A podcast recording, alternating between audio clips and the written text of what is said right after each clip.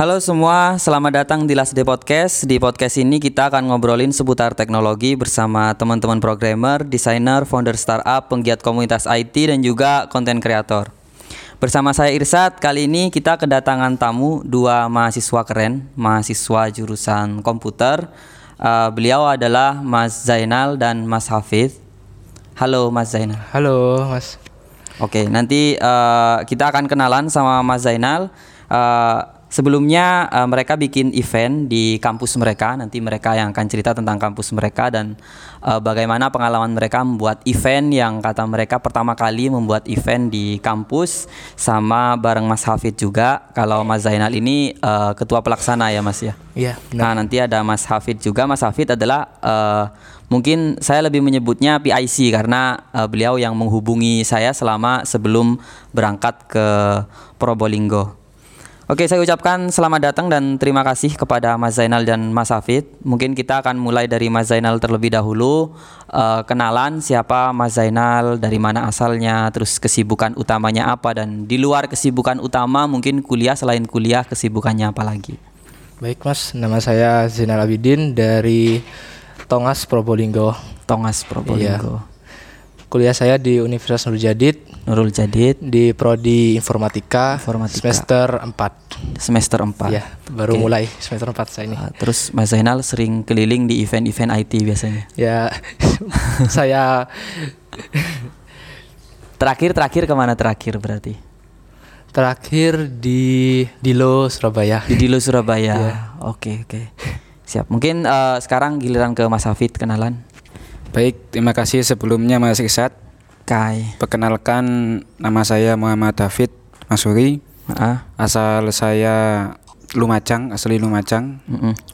Saya kuliah di sama dengan Zainal yaitu di Universitas Nurul Jadid, prodi Informatika semester 6 baru juga.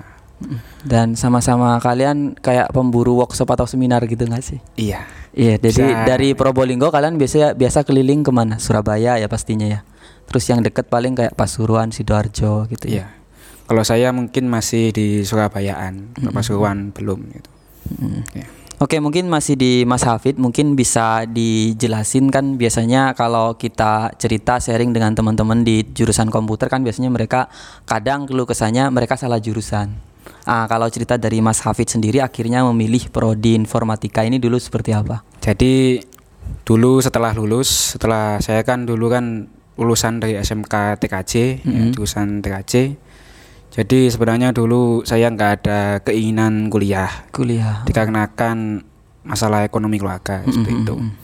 Jadi dulu kan TKJ passion saya dulu mungkin lebih ke network TKJ ini teknik ya komputer teknik, jaringan teknik komputer jaringan ada jaringannya okay. ada networkingnya mm-hmm. jadi seperti itu mungkin ya nanti buat server seperti itu mm-hmm. dari Linux seperti itu dulu jadi dulu mau ya mikrotik lah mikrotik jadi, uh. ya jadi mungkin setelah lulus dulu saya sama temen ada ada rencana dulu itu ingin membangun bukan sebuah startup nggak ngerti startup itu hmm, apa itu membangun usaha gitu tak, ya, ya. paham ya jadinya uh, uh. pengen buat seperti warnet oh gitu ya, seperti uh, warnet uh, uh, uh. warnetnya itu dulu itu sudah di anu anggap kayak di launching mas mm -hmm. dulu namanya itu cybernet dulu itu oh iya iya ada iya. rencana buat seperti itu Pada nah, jadi ada kendala teman saya itu kendalanya dikarenakan rumah aslinya di Sumatera, mm -hmm. jadinya balik ke Sumatera kerja di sana. Mm. Jadinya kami gagal untuk membangun ide itu, membangun yeah, yeah, sebuah. Karena partnernya,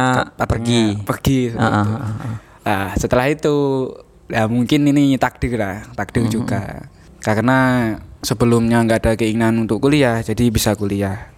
Ya dikarenakan karena sebenarnya dari sebuah buku namanya mas, mm -hmm. buku. Dulu itu ada majalah di sini karena mbak saya dulu kan lulusan sini. Oh, lulusan MA, kampus sini. Ya, MA. Oh, sekolah. MA. Ya. Sat, masih satu yayasan hmm. gitu ya. Mbak saya dulu dikasih temennya yang mahasiswa. Mm -mm. Majalah namanya dulu masih STT dulu. STT, Nurul Jadid. Sekolah tinggi. Itu. Sekolah Tinggi Teknologi Nurul Jadid. Oke. Okay. Itu dulu dikasih buku. Uh -uh.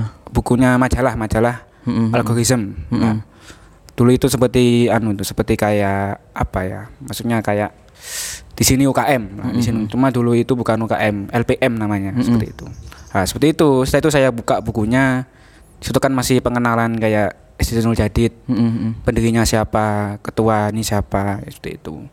Nah itu judulnya itu mas seperti anu kayak peretas tentara masa depan. Nah, Hmm. itu judul dari majalahnya.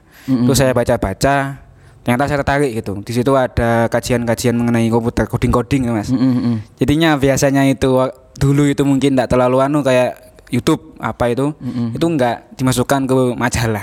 Oh iya iya. Jadinya iya. kayak dulu itu kayak tutorial membuat HTML, stack HTML apa Python itu dimasukkan ke sebuah majalah. Oh iya iya iya iya. Dan Jadi- itu juga jadi- banyak kayak kajian-kajian. Tentunya dulu ada Pusdikom ya. Walaupun nggak Pusdikom. sebesar sekarang Mm-mm. gitu. Seperti itu Setelah datang Pusdikom. Mas Hafid di Pusdikom akhirnya Pusdikom jadi besar. Alhamdulillah seperti itu mas. Kebantuan dari teman-teman seperti itu. Oke siap. Sekarang ke Mas eh, Zainal dulu akhirnya masuk ke prodi informatika seperti apa prosesnya? mungkin?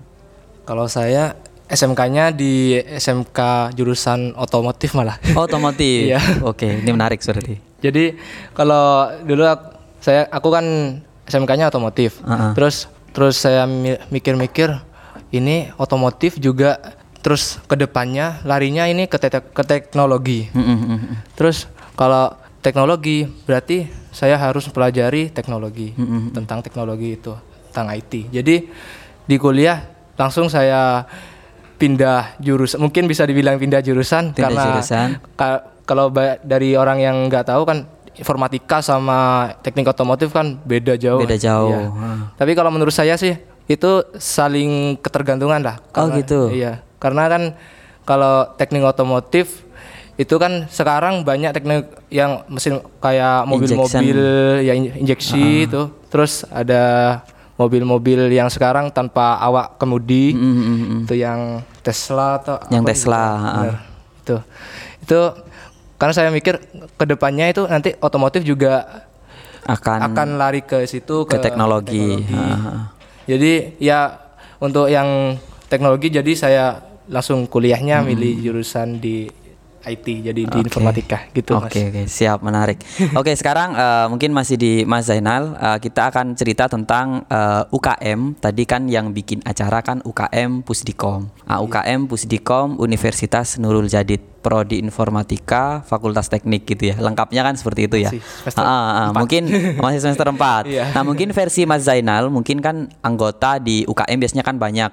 Iya, nah kalau versi dari Mas Zainal ini melihat eh, UKM atau bisa menjelaskan UKM Pusdikom ini seperti apa?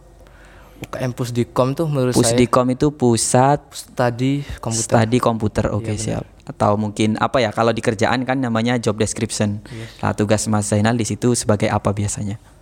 Kalau sejarahnya berdirinya Pusdikom saya kurang tahu Hmm. Karena, baru. Karena Ah, masih baru. Karena masih, masih Iya. baru. Ah, jadi akhirnya aktif di sana. Iya. Sekarang biasanya ngapain? Baru mulai aktif-aktif banget di Pusdikom itu sekitar oh baru semester semester 3 Semester tiga berarti- dapat satu semester ya. Ah, ah, ah, Iya, semester. Sekitar enam bulan berarti ya ya. enam bulan langsung saya sama ketua Pusdikom Mm, mm, mm. Muhammad Hafid Masruri yang Oh, iya, iya, iya. barusan, Oke, oke. itu langsung diajak gabung jadi pengurus Pusdikom Oh gitu. Awalnya saya gak mau karena menurut saya belum begitu paham banget lah karena masa masih baru langsung di. Langsung ikut organisasi gitu kan. Masih pengen menjadi mahasiswa aja gitu Iya. kan. Terus kebetul terus kok tiba-tiba Pusdikom itu mau ngadain acara acara seminar. Saya ikut rapat juga. Hmm, Terus hmm. ikut rapat setelah itu kok yang dibahas itu mau ngadain acara biasa kayak seperti seperti seperti biasa kayak di di di kampus saya kan itu yang seperti biasa maksudnya seperti ada ya kayak ada pel- pelantikan ada Oh iya iya iya. Ah, berarti itu kegiatan organisasi ya, gitu. ah. dari orang dalam semua nggak ada yang dari luar Dari luar, kerja. ha-ha. terus saya inisiatif bilang ke ketua pusdikom mas kok ini kok gini-gini aja kampus ini kok gak ngadain acara seminar yang Oke, oke, menarik emang berarti. dari Dari luar. Iya, kalau dari dalam kan kita sering udah sering, Udah sering ketemu, dengerin, sering ha-ha. ketemu gitu. Terus saya oh bagus kata ya kata ketua Pusikom oh iya nanti terus kok tiba-tiba rapat selanjutnya saya udah ditunjuk jadi ketua, panitia pelaksana. Iya, Oh ketua gitu. Oke, menarik berarti Mas. Zainal. Terus langsung saya ini kesempatan buat saya karena ini ketua jadi ketua panitia Hmm. ini kan harus saya manfaatkan benar mumpung masih mumpung, mumpung dikasih dikasih jabatan Hmm. Oke, jabatan. dikasih uh, sebuah kepercayaan Iya, atau amanah ini. gitu kan untuk Iya. mengemban sebuah event yang tadi menurut uh, kalian pertama kali dibuat. Iya. Oke, sebelum lanjut kita akan bahas eventnya mungkin uh, kita akan dengerin cerita tentang Pusdikom dari Mas Hafid sekarang. Uh, Pusdikom seperti apa? Terus uh, mungkin tugas-tugas Mas Hafid biasanya apa sih di Pusdikom tersebut? Ya. Baik Mas, ya mungkin mengenai Pusdikom ya. Mm-mm. Di- Atau kita bilangnya UKM gitu biar teman-teman yang ya. apa Pusdikom, Pusdikom adalah UKM gitu ya. Jadi memang Pusdikom itu kan sebuah UKM, unit kegiatan mahasiswa yang berada di Universitas Nurul Jadid Unuja yang fokus pada pemrograman komputer. Nah, gitu. Jadi memang sebelumnya Pusdikom ini kan memang UKM yang fokus pada kegiatan kajian. Kajian rutinan itu setiap seminggu sekali yang diadakan hari Kamis. Sebenarnya juga Pusdikom ini bukan hanya kajian di kampus, juga kajian di pesantren seperti itu. Di pesantren itu alhamdulillah malam Jumat sama malam Sabtu. Itu kajiannya Java untuk apa? Mahasiswa baru lah. Kalau untuk yang di kampus itu Pusdikom itu dipecah menjadi tiga bagian. Mm-mm. Yang pertama Java, Java Java dasar gitu. Konsul itu itu kajiannya itu dilaksanakan hari Kamis jam mulai jam siang, mulai siang. Mm-mm. Jam 1 sampai jam 3. Itu khusus untuk anak maba, Mm. mahasiswa baru. Mm-mm. Semua itu diwajibkan seperti itu. Lalu untuk kajian kedua yaitu kajian web, web programming itu mulai jam 9 sampai jam 11 Mm-mm. bersamaan dengan Android juga Mas sama. Hmm, ada Android juga Ya. Android. Ya, mungkin untuk teman-teman yang dengerin mungkin kalau eh, kita baru dengar kali ini pakai istilah kajian, mungkin kalau kita di komunitas biasanya pakai istilah meet up gitu kan. Meet up. Ah, Oke, oke. Terus Mungkin kalau kajian tapi lebih ke ngoding Mas gitu. mm, mm, mm. Jadi untuk sebelumnya kan gini Mas, mengenai mungkin saya berbicara mengenai acara ini tadi. acara ini tadi. Jadi eh, kalau saya boleh cerita latar belakangnya dulu dari versi saya mungkin. Jadi sebelumnya eh, saya mengisi acara di komunitas Sidoarjo Dev. Iya. Dan di sana ada teman-teman dari Probolinggo yang datang terus mau bikin acara di kampus mereka yang mana Universitas eh, Nurul Jadid di Probolinggo dan kegiatannya baru aja selesai dan ternyata eh, menurut mereka ini adalah acara pertama mereka. Maka kita akan dengerin cerita mereka membuat sebuah acara event ini. Oke, boleh dilanjutin lagi Mas. Jadi nah gini, jadi kami emang sebelumnya kan mempunyai acara. Lah acara itu seminar biasa sama pelantikan. Cuma dikarenakan karena dari mungkin dari senior kami mungkin yang kurang apa ya koordinasi dari sesama temennya mungkin gagal lalu kami yang di bawahnya punya inisiatif itu kan bersamaan bersamaan dengan pergantian pengurus. Hmm, pergantian pengurus. Jadinya kami langsung punya inisiatif untuk apa ya acara yang sebelumnya gagal ini kami wujudkan lagi dan kami berbesar lagi kita perbaiki dengan mewujudkan hal-hal yang baru lah mas seperti itu Se- sebuah sesuatu yang baru yang kami rapat rapat-rapat sebenarnya sebelumnya sebelum rapat besar kami rapat-rapat kecil lah sama teman-teman yang sebelumnya di Busdikom gitu. Mm-mm. Sehingga kami rapat gimana kalau acara itu bukan hanya acara yang dari internal, Internal saja. saja. Jadi sebelumnya kami kan saya kan sebelumnya kan bulan sebelumnya ada di Surabaya Mm-mm. acara list di kelas itu Mm-mm. yang sampean ngundang Mas Amirul Mm-mm, yang Desember ya. yang chatbot nah Mm. chatbot sama itu jadinya kan kami sebelumnya kan anu kan ngomong-ngomong dengan sebelum pulang Ngobrol dulu. ha. Kalau misalkan ada acara apa, event-event apa, kalau mau mengundang kami monggo. Nah, Hmm. jadi saya teringat itu, Oh, iya, iya, saya iya. punya inisiatif untuk mengundang Mas Amil sama sampean. gitu. Nah, setelah itu kami seperti yang dibicarakan Zainal tadi rapat-rapat, lalu saya nekat langsung menghubungi Mas Amirul dan alhamdulillah kata beliau katanya bisa gitu. bersedia. Oke, oke. Nah, itu kami sebelumnya dapat satu orang cuma sih. Mm-mm. Satu orang kami bingung. Yang satu ini siapa? Oh, gitu. iya, iya, iya, Lalu Zainal nyangankan itu. Kenapa kok enggak Mas Risat gitu? Oh, see, Sebelumnya see. Ha. yang biasanya bareng tok sama Mas Amigul. Seperti itu. Intinya alhamdulillah saya ngechat ke Mas Amigul lagi. Mm-mm. Ya alhamdulillah kata Mas Amigul bisa. Nah, Jadi alhamdulillah setelah itu kami persiapkan dua minggu itu. Dua kami minggu. siapkan ruangan begini-begini seperti itu masalah ada apa gitu kami siapkan ya alhamdulillah dari segala banyak proses yang banyak cobaan acara kami bisa berhasil dengan baik seperti itu dan juga Alhamdulillah. Oke oke siap. berkat dari Mas Irsat sama Mas Amirul seperti itu Mas Oke, eh, jadi sebenarnya eh, mereka yang diundang adalah Mas Amirul dari kawan coding. Eh, kalau teman-teman yang belum kenal sama Mas Amirul bisa scroll lagi di episode sebelumnya sudah ada tentang Mas Amirul dari kawan coding. Nah, kali ini kita akan lanjutin dengan versi dari Mas Zainal selaku ketua panitia atau ketua pelaksana. Ketua panitia. Ketua panitia. Oke, mungkin bisa dicerita prosesnya, mungkin eh, seperti apa pengalaman akhirnya event ini sampai terjadi. Ya seperti yang dikatakan Mas Hafid tadi, Mm-mm. untuk kita pemilihan pemateri atau narasumbernya itu si- siapa ya kira-kira yang dari luar gitu. Terus saya mikir-mikir dan ternyata Mas, Ha- terus Mas Hafid juga, oh ya ada dari itu dari yang pas kita ke Dilo ada acara acaranya Last Day. Acaranya Last Day. Iya, terus itu ada Mas Amirul. Terus Mm-mm. saya bilang, wah kan tinggal kalau misal itu bisa, terus kenapa gak Sekalian aja. sekalian aja yang Ha. Mas Irsa juga Ah, kan kasihan itu Mas Irsat gitu kan. kan pas itu kan juga ada Mas Amirul sama Mas Irsa jadi ya oh iya undang aja semua aja gitu. kan biar enak cuma. Oke, kemudian eh, tantangan kan kalian cerita ini event pertama. Iya. Event pertama kalian tadi kampus kalian saya kurang tahu mungkin bisa diceritakan terus tantangannya seperti apa daripada event-event kalian sebelumnya mungkin. ya tantangannya seperti tentang kayak teman-teman panitia pada masih kurang percaya diri lah Hmm. untuk kayak gimana kan belum ada gambaran sama sekali tentang ini masih baru acaranya Hmm. jadi masih bingung gimana ini nanti gimana kayak randonnya susunan acaranya gimana Hmm. belum tahu terus karena saya udah sering ikutan meet up meet up yang di luar ah, ah, komunitas sudah di luar. pernah sudah sering lihat acara seperti Iya. ini di luar Ya, gitu terus- kan. ah. Dan kebetulan saya juga jadi ketua panitia, ketua panitia, jadi saya nyaranin seperti ini aja acaranya seperti yang di komunitas-komunitas lainnya, ada acara ya seperti yang di komunitas lainnya itu. Mm, mm, mm. Terus teman-teman, "Oh ini gimana ini cara apa kayak modelnya gimana?" Terus kami adakan kayak gladi bersih lah, gladi bersih seperti persiapan-persiapan semuanya. Terus mengenai tempat juga karena ini masih baru jadi UKM kami mengadakan seminar IT ini emang masih baru. Masih baru. ya masih barunya. Sebelum-sebelumnya ada seminar tapi ya biasa-biasa yang da- cuma dari orang-orang internal. Iya, orang-orang internal di kampus. Dan dan kan narasumbernya yang dari luar ya lumayan keren lah. Mas Amirul maksudnya ya. founder sama creator.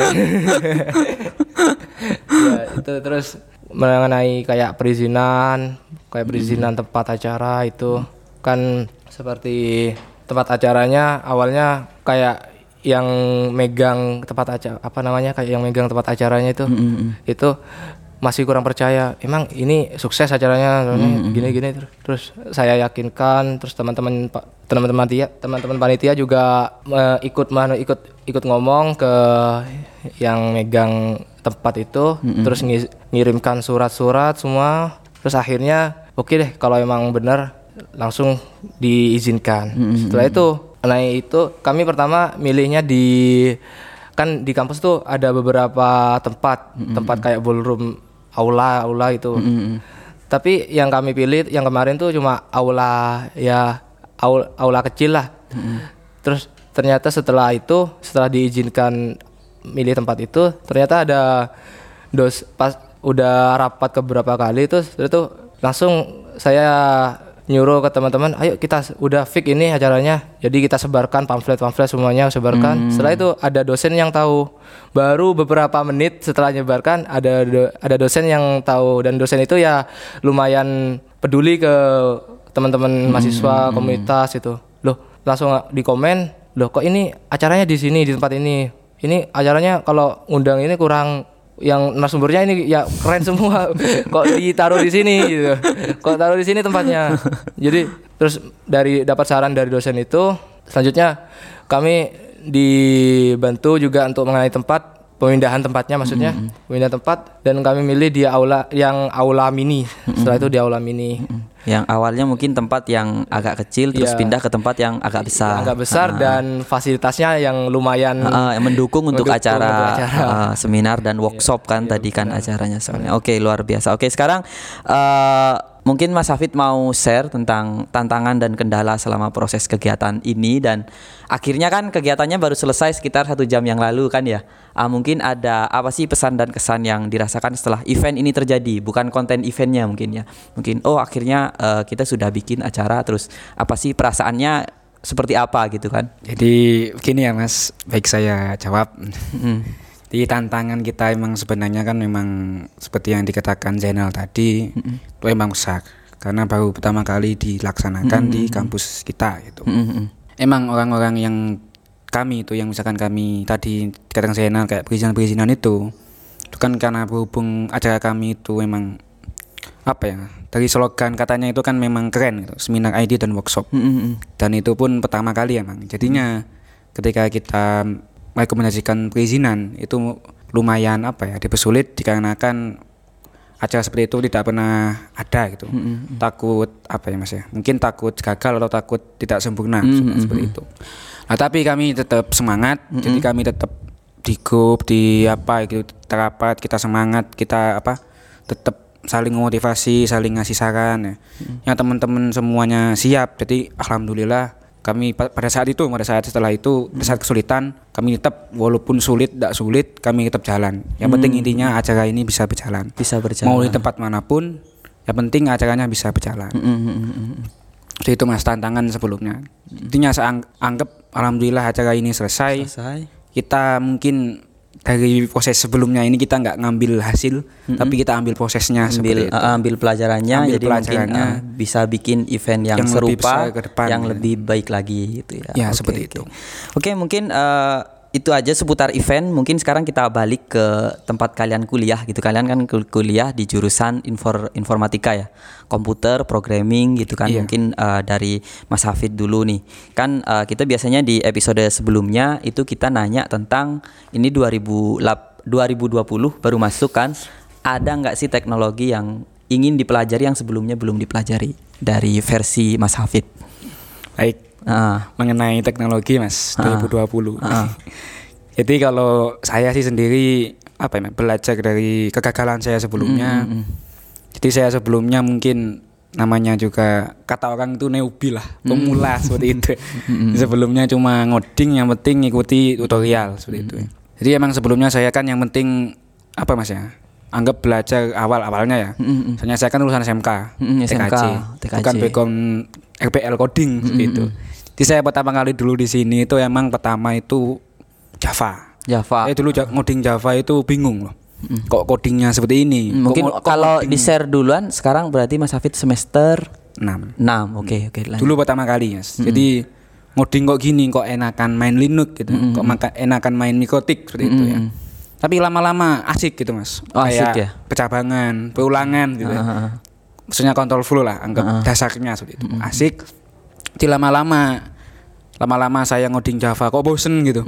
Kayak gini terus ini. Jadinya saya berawal dari saya dulu pas SMK kelas 3 itu dulu saya iseng-iseng main HTML hmm. soalnya dulu saya kan sebenarnya itu apa mas ya bukan bercita-cita jadi programmer.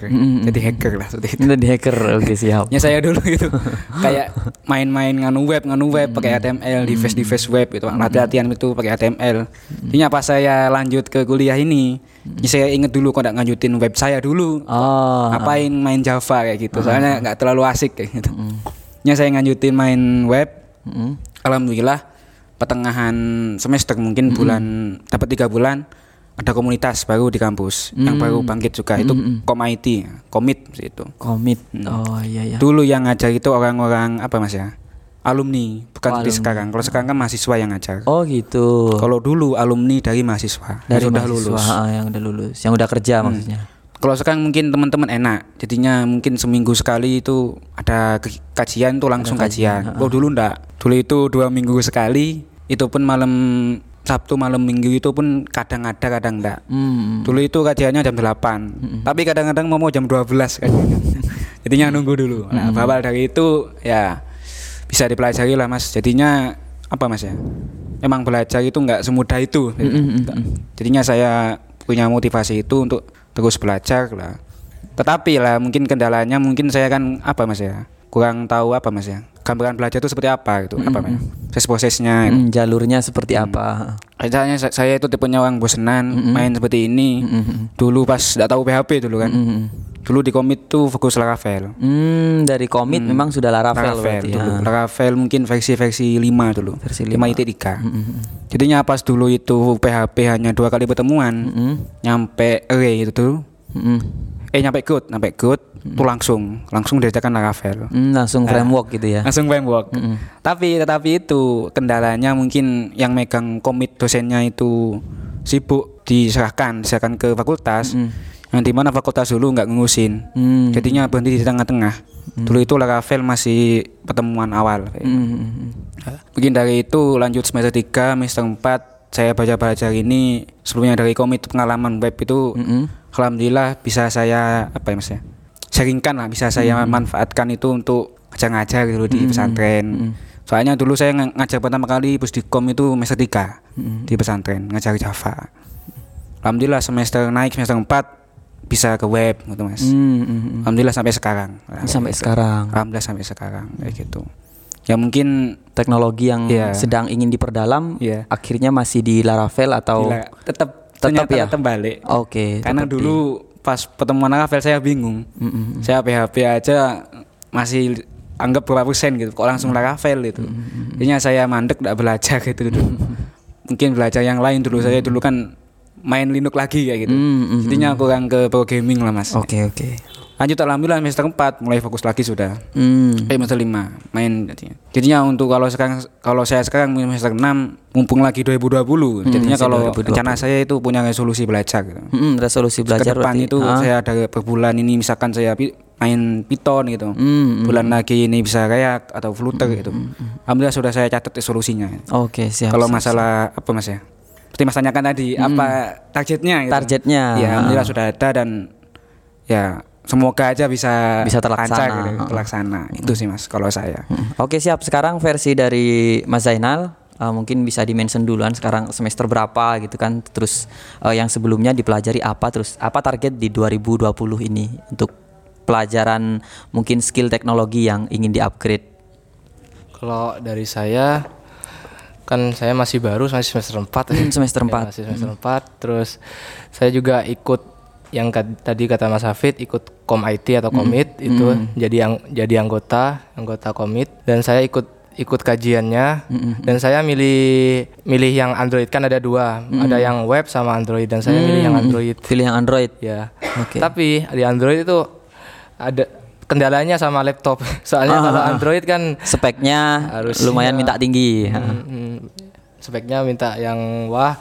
Dan laptop saya masih laptop yang standar buat Microsoft Microsoft Word gitu.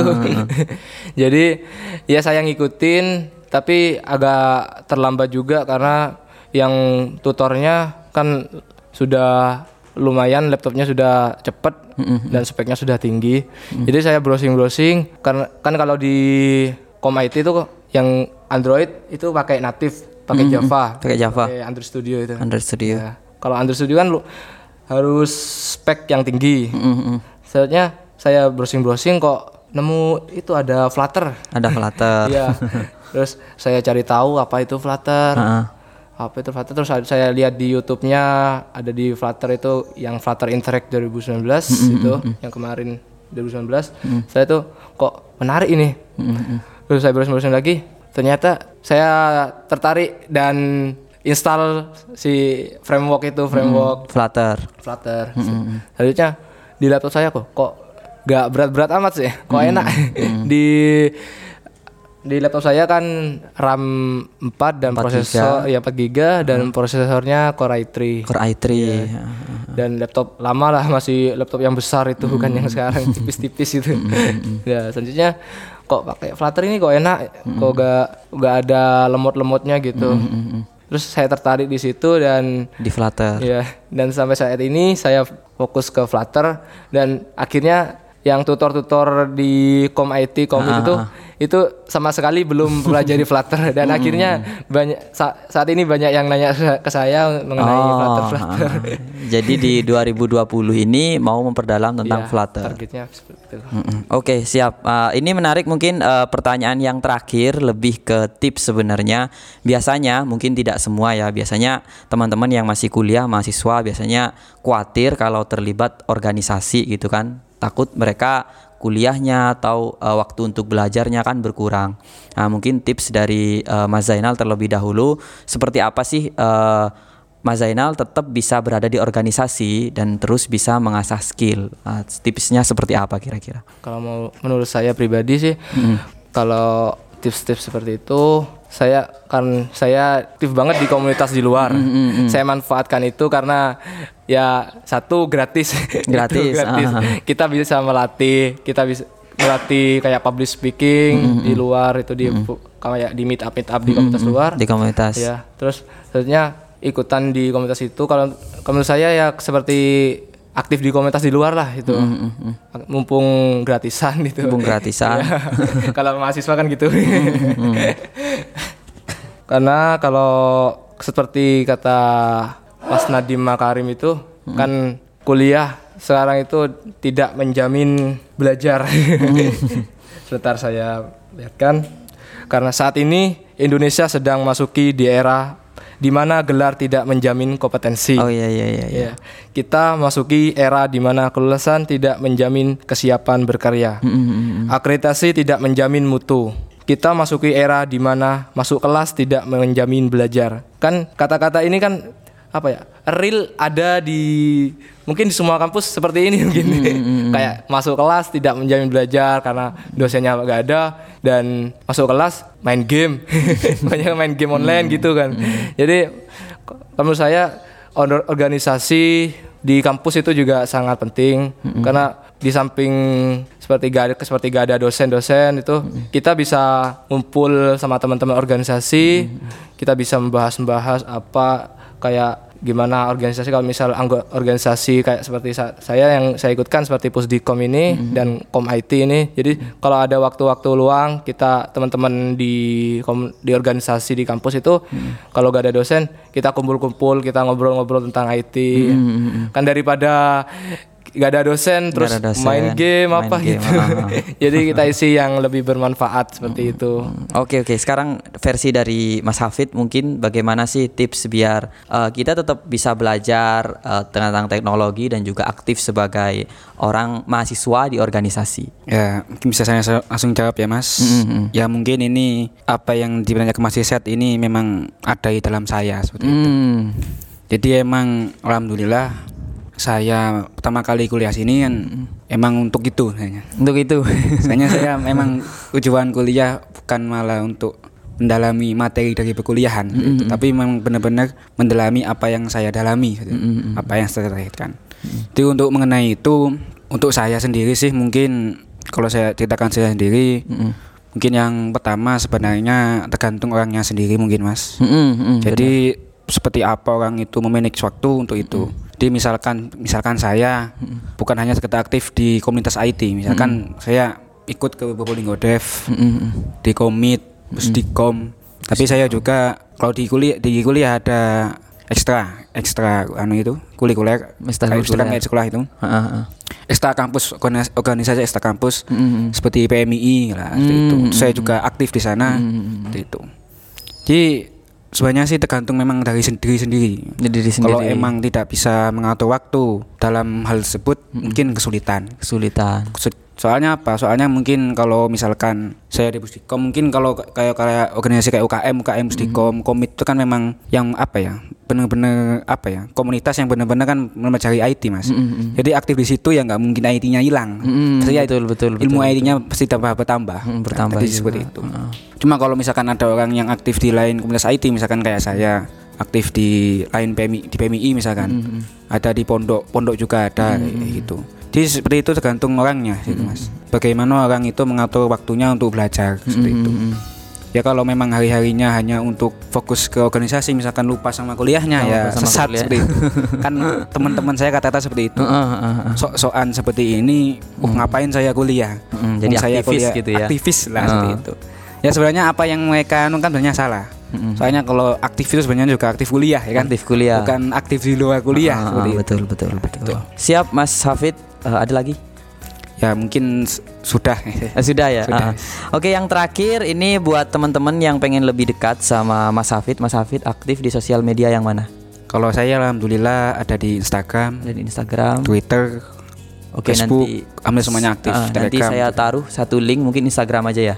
Oke. Ah, di link deskripsi. Untuk Mas Zainal mungkin eh, link sosial eh sosial media aktif di mana? Kalau saya aktif di seperti di LinkedIn, aktif, Di LinkedIn aktif. ya, terus di Instagram juga Di aktif, Instagram aktif. dan Twitter dan Twitter juga ya. Aktif semua berarti. Oke, nanti eh, untuk lebih dekat sama teman-teman mahasiswa aktivis dan juga calon programmer keren ini untuk lebih dekat sama mereka nanti linknya kita taruh di link podcast. Eh, sekali lagi terima kasih kepada Mas Zainal dan Mas Hafid sudah sharing di Last Day Podcast dan untuk kritik dan saran teman-teman bisa DM di Instagram kami lastdayid at lazdayd dan sampai ketemu di episode berikutnya. See you guys.